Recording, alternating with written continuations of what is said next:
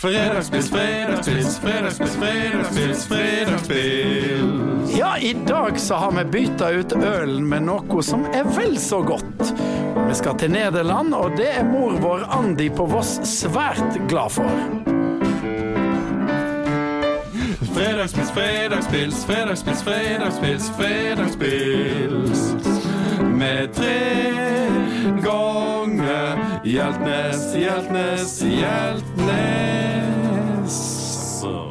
Ja, Det er fredag, og nå har vi egentlig kommet til den delen av eh, denne podkasten der vi pleier å dra fram en øl, Sjur. Ja, det pleier vi. Og eh, Vi har noen få unntak, og vi liker jo godt eh, lokale greier. Så i dag så skal vi ikke drikke øl, men vi skal rett og slett drikke noe som kommer fra Flesland. Og vi har da faktisk for første gang i podkastens historie en gjest. Ja. Vi har med oss Stig Bareksten. Bareksten goes to my head. Makes me forget that I still love her so. Bareksten. Ja, eh, velkommen, Stig. Takk, takk. Du eh, har jo da eh, skapt deg et navn ute i verden med rett og slett gin. Ja, det er det vi har. Fra Bergen, kan du tenke deg. Ja, eh, vi skal jo snakke mer om det. At det, det er jo ikke bare bergensere som drikker den ginen din, heldigvis. Men, men hvordan begynte egentlig dette med deg og brennevin? Ja, altså, jeg har jobba med brennevin hele mitt voksne liv i en eller annen form. Fra, før du var 18, håper jeg. Ja, gjerne før Kanskje 20? Jeg samla på brennevin lenge før jeg var 18 år, men uh, jeg har jobba med import. Jeg har jobba som bartender i mange år. og uh, Så begynte jeg for 10 år siden, 10-12 år siden å utvikle et akevittprodukt, først og fremst. Og så baller det på seg. Og Akevitt og gin er jo liksom samme, samme universet. Det er botanisk uh, brennevin. og Egentlig Hele konseptet mitt handler om å så rett og slett eh, vise at det er ganske likt. da. Men denne, denne drikken gin, det er jo, vi forbinder det jo veldig med England. Ja, det er jo eh, Altså London Dry er jo en, en teknikk, er en sånn typisk eh, britisk måte å gjøre det på. Eh, alle ginene jeg lager er jo eh, britisk, eller London Dry, sånn, det, men det er utelukkende en teknikk. Det har ingenting med smak å gjøre. Hva, hva, er, hva er skillnaden på London Dry og en eller annen dry? Ja, De fleste er jo tørre, da, men med unntak av Old Tom, som er en søtere variant. Men eh, det er to, to, to hovedkategorier gin. Det er det vi kaller distilled gin, som kan sammenlignes litt med akevitt. Måten det fremstilles på og gjerne blandes inn i etanol. Uh, forskjellige komponenter. Og så har vi da London Dry, hvor du på en måte har én sjanse. Du tilsetter krydder, lar det trekke på sprit, og så gjør du én destillasjon. Så har du en gin som har høy alkohol, så eneste du lov å tilsette, da er vann og eventuelt alkohol. Og det er da regna som den eh, fineste da, og vanskeligste måten å lage gin på?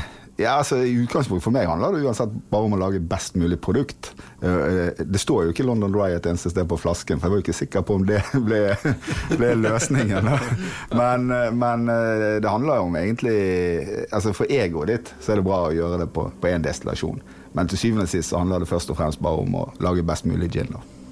Men jeg tenker, gin er jo ikke noe altså, Det er en sånn kort, kort, på en måte. Altså, er det noe du lagrer, gin? Sånn som du Ja da. Du kan det, ja. Faktisk første gin jeg lagde, eller lanserte i hvert fall, det var en fatlagret gin. Så hvis du ser på det helt sånn historisk sett, så ble jo fat brukt til å lagre gin, for det var en ferskvare. Så, så det er ikke noe nytt heller, men eh, du kan gjøre det på akkurat samme måte som akevitt. Og det er jo gjerne det som var litt grunnen til at ting ble fatlagret i, i sin tid òg, da. Men da vil den være brun, da. Da blir den litt brun. Så, Ja. Og det er fantastisk. Den, den som vi lagde, den hadde jo sånn sterkt slektskap til akevitt, for den var sherrylagret den gangen. Da, så. men, eh, men sånn sett, produksjonsmessig så er det en forholdsvis kort prosess. da. Ja. Men så er det krydderne, da. Sant? For dette da eh, Akevitt er det jo eh, karve, og det er det ikke i Det det ikke gin. Men ut- utover det så er det mye slektskap. Eh, einebær brukes jo gjerne i akevitt òg, og karve gjerne i gin. Og når jeg lagde gin, så handlet det først og fremst om å ha med den tradisjonelle eh, akevittsiden òg. Så jeg bruker alle de tradisjonelle akevittkrydderne i ginen. Eh, og sammen når jeg lager akevitten min, så bruker jeg òg ganske mye einebær. Det er ikke noe unikt eh, det sånn sett, men, men for meg er det for å vise det slektskapet mellom disse to kategoriene. Så hvis vi hadde hatt en eh, ikke-fatlagra akevitt og en eh, London Dry som du har laga. Hvis du har laga begge to, så, så ville de være relativt like, egentlig. Ja, altså Den dominerende aromaen i en akevitt den skal være karve. Ja. Og den dominerende aromaen i en gin den skal være einebær. Det er liksom de to største forskjellene. Men sånn bruksområde og egenskapene er ganske like. Ja, så da er det egentlig om du har lyst på litt karve eller lyst på litt Jeg kjenner iallfall at jeg har lyst på uh, Ja, du, å- å- ja det, vi pleier jo å åpne øl ganske tidlig i programmet. Men vi har jo et eh, utrolig fascinerende eh, dette er jo ikke verdens største studio, eh, dette havnelageret studio, men vi har altså ved sida av et trommesett i dette legendariske studio en ørliten bar. Ja. Ja. Så jeg tenkte vi må jo ha en liten eh, shot for å sette, sette kursen. Å ja. Dette er jo da Nå har vi bare rein eh, gin uten eh, blandevann eller eh, isbiter eller noen ting. Er det vanlig? Når jeg lagde den gin, så lagde jeg en gin som skulle kunne drikkes på denne måten òg. Og, og den teknikken jeg har valgt, med litt sånn frukt og p- potetsprit, så gjør det liksom bløtere. Så er ikke det ubehagelig. Det holder høy alkohol. Det er 46 da. Så det, Men jeg Så, som vi sier på Voss, eh, denne har du vært heldig med. Du har vært heldig med den. Skål. Skål. Skål, ja. God fredag. Show. Itasha. God fredagsgin. Show i taket. Eller taket. Men hva, du som er eksperten på dette, hva, hvordan vil du helst ha ginen din? da? Hva, hva er det optimale måten å servere den på? Det er fredag nå. Folk sitter og hører på podkasten i bilen på vei til polet. Ja, ja, på vei til polet. Nei, altså, jeg, jeg personlig har jo en enorm forskjellighet for dry martini, da. Så jeg er på en Ja. måte ikonet i, i denne bartenderverdenen. Og, og det er et eller annet med, med denne rene alkoholen eh, som er helt fantastisk. Og ikke minst det konseptet, da, som er ganske mye alkohol som har en, en god effekt. Ja. Men så, det kan ikke, det, du kan ikke drikke så mange av de, da. For det, det blir ofte sammenlignet med kvinnebryster. Sånn. To er for lite, og tre er for mye. Men, men Dry Martini jo, det er jo James Bond. Det er jo James Bond-drikken. Han, eh, han drikker vel dessverre vodka martini, Det er altså- det, og det er jo veldig merkelig. Ja, de, dette må vi oppklare, da, Stig. Du må, hvor, er- nå er det fredag, som sagt. Ja. Eh, Mange skal sikkert lage seg en Dry Martini. Hvor, hvor, hvordan er oppskrifta? Altså James Bond han var jo kontroversiell, så han, han skulle jo rote til alt. Da. Men Ian Flemming han skrev et par av disse bøkene sine, så satt han på min favorittbar i London, The Dukes Bar på The Dukes Hotel. Å, der er jeg vært! Og, og de shaker det ikke engang. De rører faktisk ikke dry martini engang. De har gin i frysen. Og selvfølgelig har de bare eksten. Eh, og de heller da så vermuten i glasset. Rister den ut av glasset. eh, tørr vermut. eh, og bare topper glasset med iskald gin. Og gjerne da høyere alkohol enn vanlig. Sånn 46 pluss. Så, Og så så, husker jeg at eh, du får, sånn som du sa, du får bare lov å bestille to. Ja, altså du får, du får to som vanlig hvis du bare er en gjest. Stamgjest, så får du tre. Oi! Jeg kan si det sånn, jeg hadde seks sist jeg var der. Og da, Så du har vært der Da spurte jeg en kollega min dagen etterpå som var med meg. Ja, det ble seint i går, sant? Ja, ja, kjempeseint. Og så har jeg lært meg litt av erfaring nå at jeg finner fram taxikvitteringen. Og da var vi hjemme halv ni. Nei, jeg lurer på, nå, nå drikker vi jo den her bar, som Mm. du sier. Sant? Og, og det er vel noe som er ganske nytt. Det er ikke det før, Iallfall her i Norge var det jo gin og tonic. Det var jo alltid Ja da, og det, og det er jo det ennå. Ja. Uh, Og det har jo fått en slags renessanse, eh, det er jo I dag så serveres jo gin tonic i alle mulige varianter. Det er jo mye mer gin tilgjengelig. og kan si Det var, kom en sånn trend for 15 år siden, kanskje i Spania, rundt der, hvor man gikk over til burg, type burgundglass og masse forskjellige ingredienser, og gjorde det til et hva skal vi si, et mer sånn cocktailkonsept. da.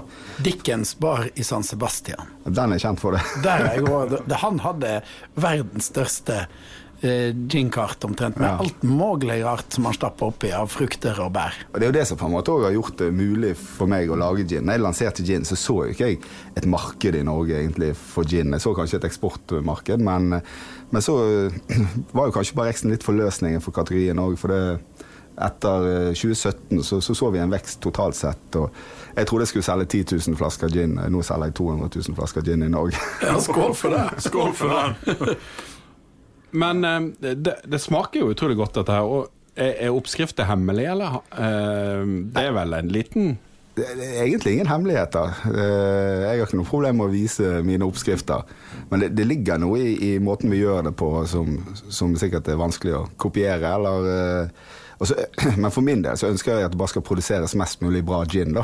Så, så, så jeg sjøl i dag hjelper jo mange av disse nye destilleriene. Det er en kontakt. liten gjeng, altså. Ja da, det, det er litt sånn som bryggerinæringen Ja. var for i starten. At eh, man bidrar for å hjelpe kollegaene og unngå å gjøre de samme feilene som du kanskje har gjort sjøl. Men er det, er det en grunn til at du kalte da Bergsen eh, Botanical Gin? Ja, det var, jeg la på, la på det egentlig bare for å tydeliggjøre litt eh, hva det var. For at, eh, normalt sett så har gjerne en gin 7-8 ingredienser, i hvert fall sånn klassisk gin.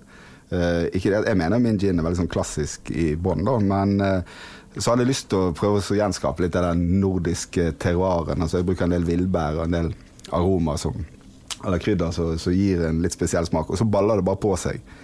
Det begynte med at jeg bruker noe som heter rosenrot, og i destillasjonen så forsvant litt den, den Rosenrot er som rosevann når du gjør uttrekk på det.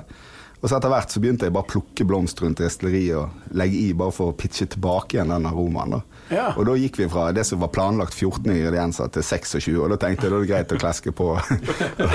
Her skjer det mye. Men eh, går det fremdeles rundt og pl- plukker Ja, ingredienser? jeg, jeg gjør for så vidt det, da, men uh, produksjonen er jo blitt såpass stor nå at uh, jeg er avhengig av å kjøpe av andre som driver med det. da. Så, eh, men, eh, men jeg plukker mye av blomstene og tørker det sjøl ennå. Men gin fra Bergen, så vil en jo tro at det eh, kan være tøft å konkurrere med, med engelskmennene. Da. Og, og du har vært rundt i, i verden, og du har rett og slett vunnet en del priser på denne ginen. Ja, det har jo eh, det har jo blitt en del, da. Jeg har faktisk ikke helt kontroll på hvor mange det er totalt sett, men sist jeg telte over, så er det 36 internasjonale priser, da. Men toppet seg kanskje med at vi ble kåret som verdens beste nye brennevin i 2017, og igjen i år, da. Rett for, når koronaen kicka inn, Ja. så ble vi igjen kåret som verdens beste London Dry Gin i World, San Francisco World Spirit Competition, som er den største av de alle. Ja, det er bra, altså. Det må jo være Knut. Ja, det må rett og slett være Ja, det er sukker i buksa, det var sukker i buksa, det var sø, sø, sø, sukker i buksa. Ja, det var sukker i buksa, det var sukker i buksa, det var sø, sø, sø, sukker i buksa. Ja, Det må være sukker i buksa. Det, var, det er jo et uttrykk fra um, Nordfjord. Nordfjord, ja.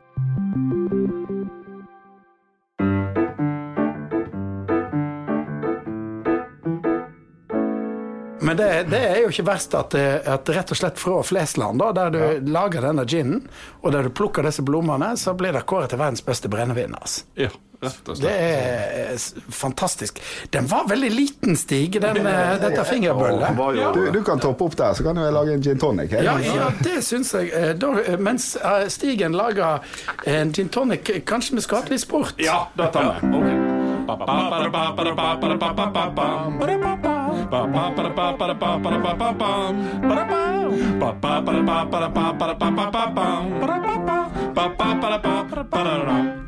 Ja, eh, nå skal vi jo ha litt sport, og Ja. da er det vel naturlig når vi snakker om gin, og at vi går litt til Nederland. Ja, for det, vi skal snakke om det òg. Men ja. ned, eh, nederlenderne har faktisk en påvirkning på gin. Men i sporten så er vi i Nederland. Da er vi i Nederland, og eh, Nederland har jo eh, Sånn eh, rent sportsmessig så er det vel fotball de har vært veldig gode på. Oi, her smalt det. Smalt. Det var tonicen. Det var toniken, ja. Og de har eh, en god del skøyteløpere som har blitt verdensmestere. sant? Jeg eh, nevner jo da Nå har de jo Sven Kramer, som har vært veldig god. Gamle dager så hadde du Husker dere Hilbert van der Doim? Hilbert van der Doim og Kees Verkerk. Hilbert van der Doim han drev vel og konkurrerte litt med disse eh, S-ene sant, som Ja. vi hadde. Og, så de har alltid vært gode i eh, Vet du, flatt. Ja, det er veldig flatt. Så de har, De har Nederlandske skihoppere, vi har jo snakket om skiflygning, der er de litt lenger ned på lista. De er litt lenger ned både når det gjelder alpint og når det gjelder utfor, og de har jo ikke så mye fjell. Eh, og så har de jo da eh, fotballspillere. Veldig gode fotballspillere. Veldig gode fotballspillere. Det begynte jo med eh, Johan Cruyff, Ja. den legendariske Johan Cruyff, som til og med har fått en egen finte oppkalt etter seg. Croy-finten, og det er liksom du tar ballen bak foten, og så bruker du Hælen. hælen, og så bruker du til å du, Ja, alle jeg tror ja, den- Alle har prøvd på den. Ja, alle har prøvd. Ja, ja. Noen klarer det. Noen, klarer noen det har fått det til, ikke noen vi kjenner. Han var jo òg Han ble jo Han ble vel den, kanskje den mest eh, legendariske, på en måte. Han var jo Var han med da når de nesten vant Nei, altså i 74 så hadde jo han Da var det Vest-Tyskland mot Nederland i, i VM-finalen. Og da hadde jo han det der fantastiske raidet sitt som førte til straffespark for Nederland. Men de tapte jo da, selvfølgelig. Det var? Gert Müller som var god, da. Ja, det var Gert der Bomber Ja. eh, Müller. Og så var det i finalen igjen. Ja, så var det i finalen i, uh, i 1978. I Argentina. da var det VM i Argentina. Da kan jo jeg til og med Det var vel egentlig det første VM-et jeg husker sånn Vi hadde noen sånne utklippsspor. Vi hadde fotballkort for det. Ja, Ja, ja, og så ei bok du limte inn. Jeg holdt med Argentina også. Jeg, Ja, jeg holdt egentlig med Nederland, da. For jeg synes vi hadde ganske Osvaldo Ardies og Mario Kempes. Men da vant heller ikke Nederland. Nei, da var de i finalen, og de tapte Jeg tror de, de de tapte 3-1. Ja. Eh, og, eh, men jeg syns de hadde så utrolig De har jo disse oransje Ja. draktene som var ganske tøffe, iallfall på de tider. Eh, så da var de, tapte de nok en finale, men så da fikk de vel en liten oppreisning i 1988. Ja. Når de vant eh, EM-finalen. Jeg var på Olympiastadion. Du var der. Ja, jeg var på Olympiastadion i München. De slo Russland. De slo Russland, og da hadde du jo eh, Da var det jo de to profilene Khod Gullit Khod og eh, Marco van Basten. Ja. Og van Basten hadde jo den der legendariske volleyen sin. Ballen kom jo omtrent Han skjøt omtrent ballen i mål ifra dørlinja på, på målet med en volley som Ja, så de var Og da var det jo stor jubel og fest, og da var det sikkert mye sjenever og gin i Nederland, tenker Så tenker skal de juble, veit du, så må de si «Hut, hut, hut». Det er ganske vanskelig. Det er jo noen som har sagt at nederlandsk er det eneste språket du kan utrydde med halspastiller. Ja. men, men eh, siden vi, har, vi er jo så heldige at vi har bartender in the studio, så, så er det eh, Vi nevnte Nederland, for dette, det er ikke en irrelevant irrelevant eh, informasjon her når vi snakker om gin. Nei, altså det er jo Geneva, så er liksom gins eh, far eller mor. så, eh, men lagd på en litt annen måte enn en gin. Det er jo Historisk sett så er det kanskje mer likt whisky, eh, som er smaksatt eh, med einebær og destillert. da. Men, eh, eh, men i dag så lages det av en blanding av maltvin og ren etanol. da. Så, så det, er masse paralleller, men det er kanskje litt mer råmaterialen i, i, i, i gin. da. Gin er jo lagd på ren etanol. Men, men, hva, men, men hvis du smaker en Genever i dag og en eh, slik gin som du har, så vil, du, vil det være stor forskjell.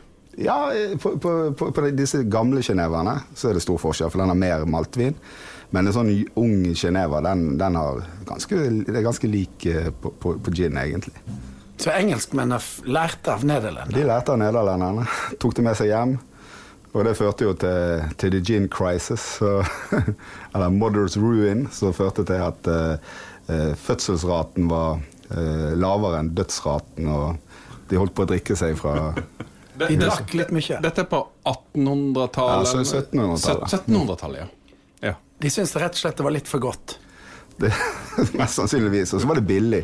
Og det var jo sånn billig gin den gangen òg. Det var jo ikke bra greier, dette. Jeg tenker Råmaterialet var jo sikkert ufyselig, altså den spriten. Og billig gin, det var gjerne bare sprit tilsatt en klunk med terpentin. Terpentin, ja. Vi kommer et hakk videre for det. Altså. Og, og det er jo altså, sånn svartebørsvarianten, men, men det er jo òg et slektskap mellom terpentin og einebær. da. Så, Ja. Sånn aromatisk. Så, og det ser vi når vi lager intense ting, og spesielt bruker norske einebær, så kan du fort få noen paralleller. Men, men det er jo da eh, eh, et, et produkt som nå har da, eller en drikk da, som har, som du sa, blitt veldig inn.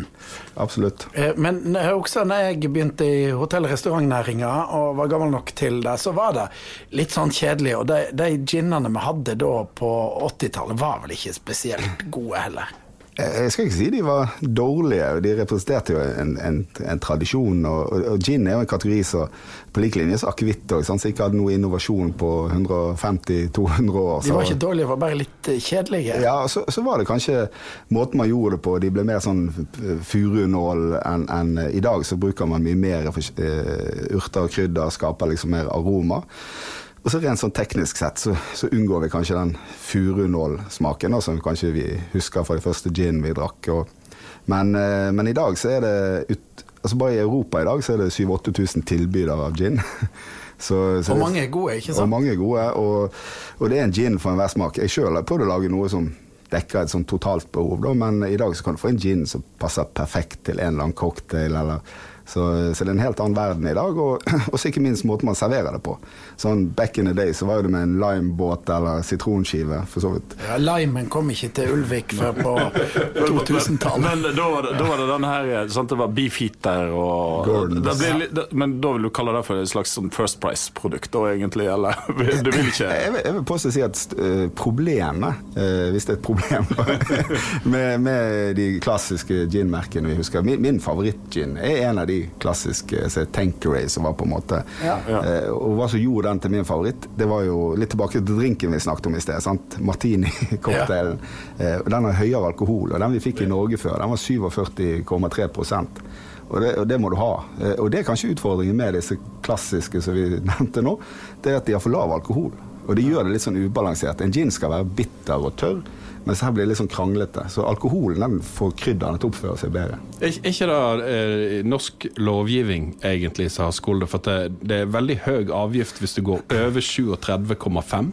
Ja, Det er for så vidt likt eh, over hele fjøla, akkurat det med 37,5. Og det er det som har vært litt utfordring, spesielt hvis vi ser på eh, 80-tallet og, utviklingen til brennevin og sånn, så var det at alkoholen begynte å falle eh, for, for å tilpasse seg avgiftssystemer. Og, og jeg har stor respekt for de som klarer å lage en god gin på 37% Jeg hadde ikke klart det. Men nå har du mekka en eh, klassiker, da. Ja, jeg lagde eh, Og så har jo jeg en sånn eh, arbeidstittel som jeg bryter ganske ofte. Er at en gin med lavere alkoholstyrke enn 46% det er strengt tatt bare smaksatt vodka. Eller hva er egentlig en gin? Eh, Men så har jeg lagd to ginner som er faktisk under 46 Sånn som den jeg tok med nå. Det er en, en gin som, som, eh, som, som holder 43 eh, og er gjort to ganger. Det er det vi kaller en dobbel gin. Hvor jeg har destillert først einebær én gang, og så har jeg lagd en gin på det destillatet. Så det er liksom mer, mer klassisk. eh, ja. Og da kan ikke den hete London Dry. Den, det lært det, sånn, te teknikken er jo det, men det, det er ikke en London Dry, nei. Det er en dobbel Ja, gin. men da prøver vi en klassiker på en fredag. Ja, her. Skål. Skål. Da blir han veldig balansert og, og, og mjuk og fin. Her kjenner jeg her er det masse einebær òg, men, det ikke- men det er ikke de der furunålene som vi kanskje nei, nei, eh, Og så kom tonicen på en måte inn i eh, Var ikke det malariamedisin, egentlig? Jo, altså, det var jo, det var jo altså, Kinin altså det, det, det har et virkestoff som hjelper mot eh, feber og malaria. Da. Og det, det, var, ikke, øh, det er kanskje tonicen som gjorde gin stor, da, men, øh, men, øh, men det var jo rett og slett at den tonicen som ble lagd den gangen, den var sikkert ikke noe spesielt god. Og da, da begynte man å blande inn gin i tonicen for rett og slett å få det i seg. For de visste det hjalp mot bl.a. malaria. Ok, så det var ikke en unnskyldning de fant på etterpå, sånn som jeg tror at du kan kan dra i tropen her, så må du ta gin tonic for å holde malariaen vekke. Men tonicen kom først. Ja, nei, altså, det tror jeg ikke, men uh, blandingen uh, ble en god kombinasjon i hvert fall. Og i dag så er dette en av de mest eh, Ja da, en av de mest populære drinkene. Ja. Ja. Det kan du altså drikke med, en- med norsk lokalprodusert gin. ja. Jeg tror gin tonic er nok fremdeles den drinken det selges mest av, men i et litt annet format i dag enn for bare ti år siden. Hvis vi skal oppfordre til noe, så må det være at folk ikke drikker så mye naturligvis, og oppfører seg ordentlig og alt det der som vi alltid sier. Men eh, når du da kommer i en bar, eh, så eh, iallfall spør etter en lokal, etter en norsk, og gjerne sikkert en for flest land. Ja, ikke, Ikke sant? ikke dumt, det. Det, det syns jeg. Vi sier jo da skål, da. og så, Skål, skål, skål, eh, skål. Tenkte kanskje vi skulle ta en blues. Vi tar en blues. Det er en blues om, om det å gå på bar. Den heter 'Torden i skallen', og det er forfatteren sjøl som leser. Seint forrige onsdag jeg fikk meg et sjokk. Det putra i kokeren, men det kom ikke nok. Skal du brenne til helga, er som du veit, ei halv ei for lite, da er du i beit. Jeg sala mopeden med skrik og med rop. Han ga alt han kunne, en tre-fire knop. I heimbygda mi er det fint pensjonat. Ikke alt de serverer, er egg og tomat. Torden i skallen, torden i skallen, torden i skallen. Jeg slengde ned røvet på stol med stativ og var klar til å lyte et eh, finere liv. Bydamer svinsa omkring i trikot. Jeg lærte meg ord som chablis og pernod. Miljøet var godt og stemninga fin, og glemt var den vesle spritslanten min. Men alt har en ende, og makken har to. Jeg vakna litt oppbrukt i kroken bak do. Torden i skallen, torden i skallen, torden i skallen. Da var det nett som om lynet slo ned, og jeg burde nok ha sett tegna på det. Du trenger ikke kjenne hver eneste sky for å spå ruskevær av drinker med paraply. Å, torden i skallen, torden i skallen,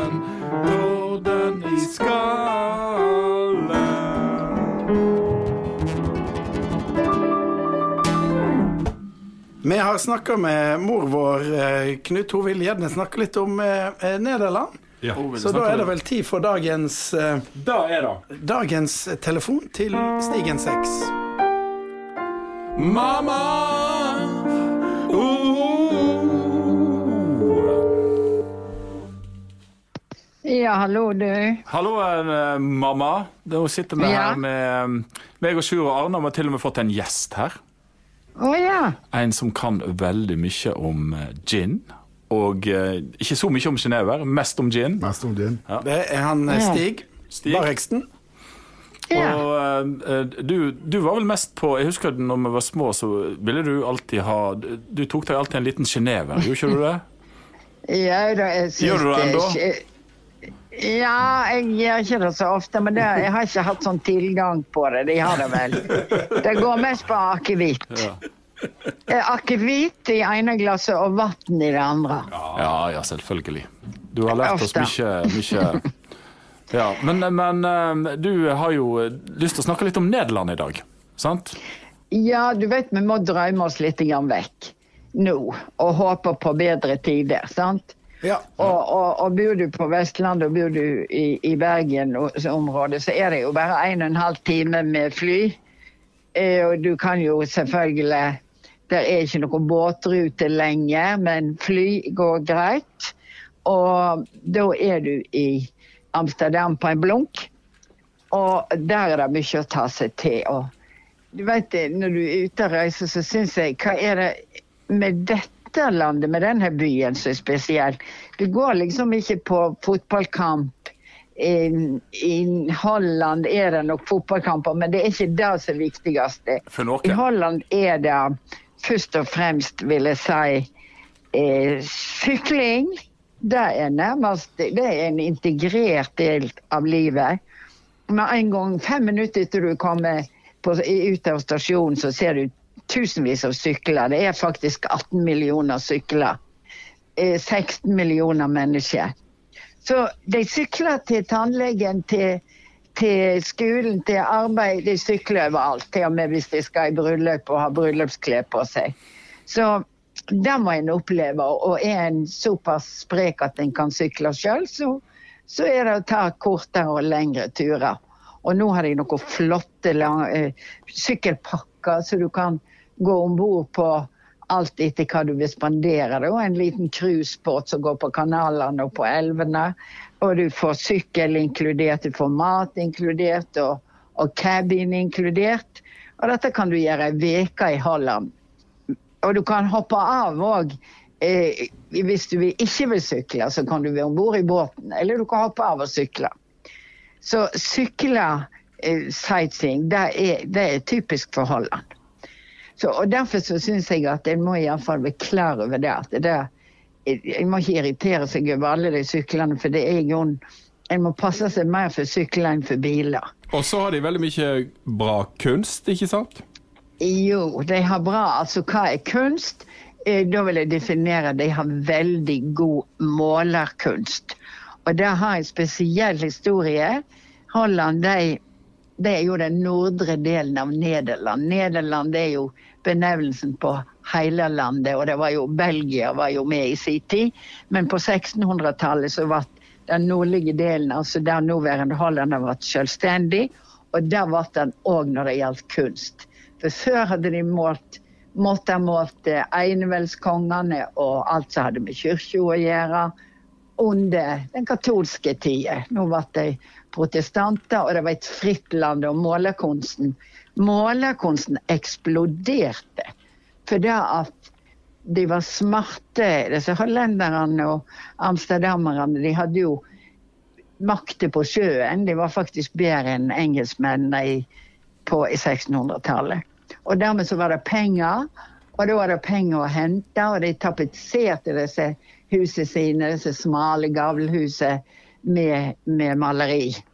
Og kunstnerne de var smarte, eller fant ut at ja, jeg måler det jeg er best til, og det som selger best.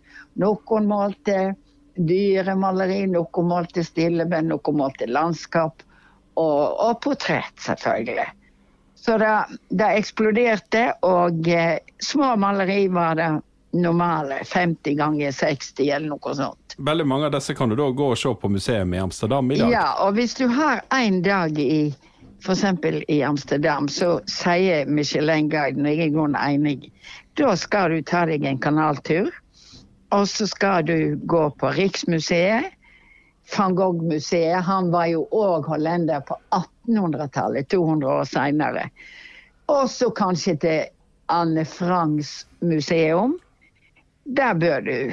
Og så går du så må du inn og komme deg inn på en etkafé, som det heter. En brun kafé. Der kan du, jo få litt, der alle- kan du jo få litt av hvert. Og der kan du jo virkelig få Da kan du òg få Du kan jo få ei, ei kake med litt sånn stoff som ikke er helt lovlig i Norge. Da, Ja, de kafeene, er visst tusen. da kan du få en god opplevelse opplevelse av kunsten. Men du kan se et av. Ja, det er en slags puber, men et av de ikoniske malerier i verdenshistorien er jo da av eh, Rembrandt van Rijn, og det er jo den berømte Ja. 'Nattevakten'. Ja, og eh, av de tusen som dukka opp som målere, så var det tre eh, store. Rembrandt, Frans Hals og Johannes Vermeer. De, de peker seg ut. Og så Arne sier nattevakten, det var Captain Benning Cooks kompani, heter det. Det var rett og slett et portrett av bymilitsen.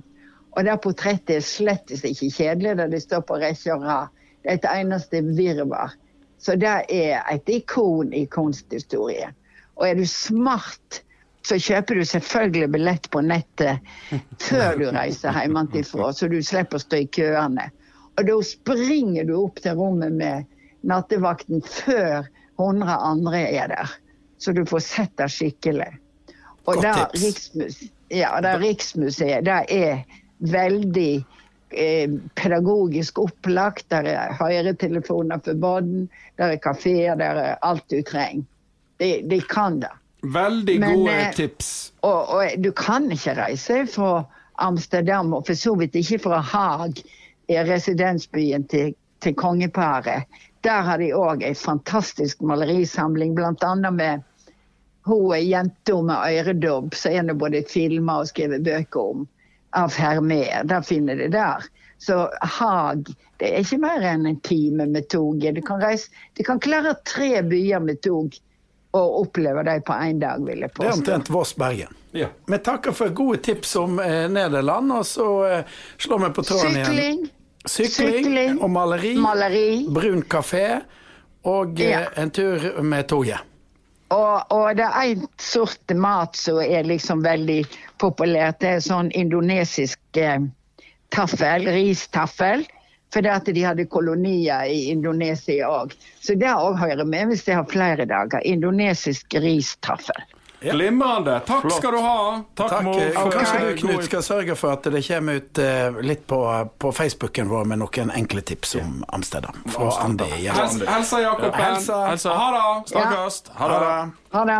Reistaffel, jeg har fått reistaffel i Amsterdam, og det, det er jo fordi at de rett og slett hadde eh, De, de okkuperte jo da en del av der pepperen gror, vet du, Stig. Stig er jo blant oss med Ja, vi men må ta en skål til. Dette var veldig godt, altså. Skål. Ha hatt litt gin hver fredag, egentlig. Da hadde programmet hett uh, Fredagsgin, og det måtte jeg lage en annen jingle. Eh, Men eh, vi kan Skal vi ta fredagsgin, fredagsgin? jo, det går, da. Det går faktisk. Men vi kan jo vurdere det, og så kan vi Enklest Det er jo bare å ha en annen gin. Nå hadde vi Botanical, var det vi hadde? Nei, vi hadde Double. Double i tonicen, og så smakte vi på den. Hvor mange har du? Hvor mange har du? Nei, altså det, er, det, det er egentlig bare to Eller to typer, men uh, det er Navy Strength, som er Litt sterkere. litt sterkere, og så er en Old Tom, som er litt søtere. Og Old Tom, det er den som du bruker i Tom Collins? Helt riktig. Hvem var Tom Collins, da? Var det en mann? Nei, det er i hvert fall en drink. Ja. Var, var, var ikke en sånn Det det pleier å være oppkalt etter sånne frihetsforkjempere. Men er det noen som drikker Tom Collins var jo på, på 80-tallet var jo da veldig populært, husker jeg. Men er, har det fått en renessanse nå, eller er det liksom Nei, Altså, ja, Drinken er nok der ute, men jeg tror de fleste bruker vanlig gin og ikke Old Tom. da. Old Tom, ja? Hva er oppskriften på en Tom Collins, egentlig? Ja, det er gin og sitron og sukker Ja. og sodavann. Enkelt og greit. Enkelt og greit. Vi har da eh, Vi har jo da vært i Nederland nå. Vi har fått eh, smake på gin og, og snakka litt om gen, gen, Genever. Juniper, eller Einer. Ja. Og vi har eh, fått litt reisetips. Og sport fra Nederland Jeg mener, det mangler nesten ingenting, Sjur. Eh, nå mangler bare Nederland sin største hit. Ja, nederlandsk musikk som har slått an, er vel litt sånn som skihoppinga til Nederland. Det er vel ikke noe sånn? Ja, det, det er jo De har jo eh, noen popartister og Vant de. Melodi Grand Prix noen gang?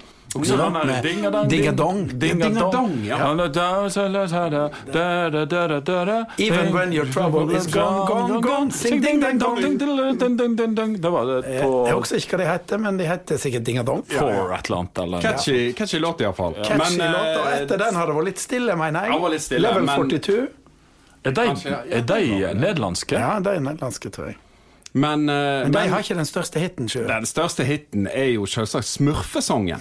Er den nederlandsk? Den er nederlandsk, for at Smurfene er jo en belgisk tegneserie som eh, ble lagd da på 60- eller 70-tallet. Og så, i 1977, tror jeg det var, så ble den, dans, nei, den, den, den nederlandske, the Dutch artist, nederlandske artisten fader Abraham det var artistnavnet hans. Han heter Frank Fader et eller annet. Eh, Det er jo et flott, flott navn for alle religioner.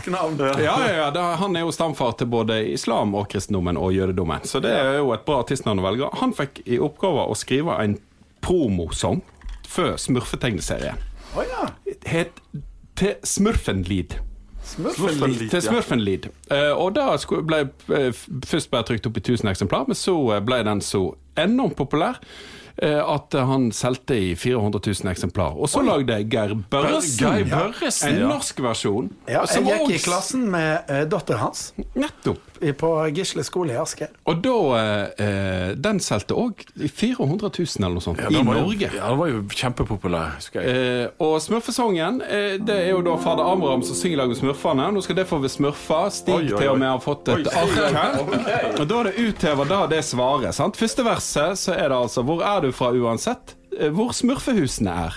Har du også ditt eget språk? Ja, vi snakker alle sammen. Eh, gjør du noe ikke vi tør? Ja, fordi vi er ekte smurfer. Dette er en sang med et fint refreng. Du er stor, og vi er små. Ja. Ok, Det er ganske eh, greit, da. Så jeg, jeg er fader Abraham. og så det er smurfene. Vi er smurfene.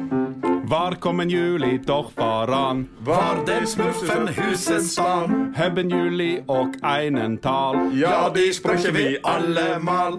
Da en juli ved dit for durven. Ja, vant sin ekte smurfen. Dit er en lyd med et løkrefrein. Juli sin gråt, en vi sin klein. Og så la la la la la la la la la la la la la la la la la la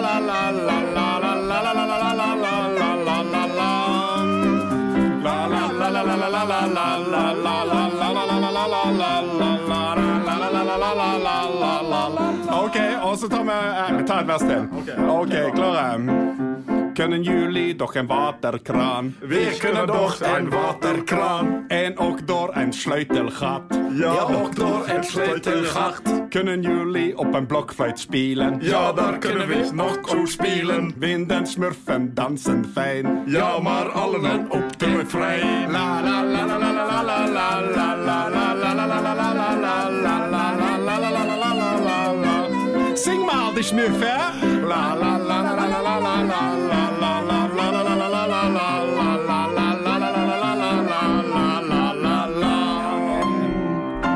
Det var jo litt spesielt å slutte med akkurat den sangen, men eh, alt annet har vært helt på topp. Eh, tusen takk til Stig Barreksen, som kom her med svært god gin fra Flesland. Takk til Daniel Birkeland, som har sittet bak spakene. Så kommer nok igjen neste fredag med, så vi sier takk for laget. Fredagsgin, fredagsgin, fredagsgin, fredagsgin, fredagsgin. Med tre ganger Hjeltnes, Hjeltnes, Hjeltnes! Plan B.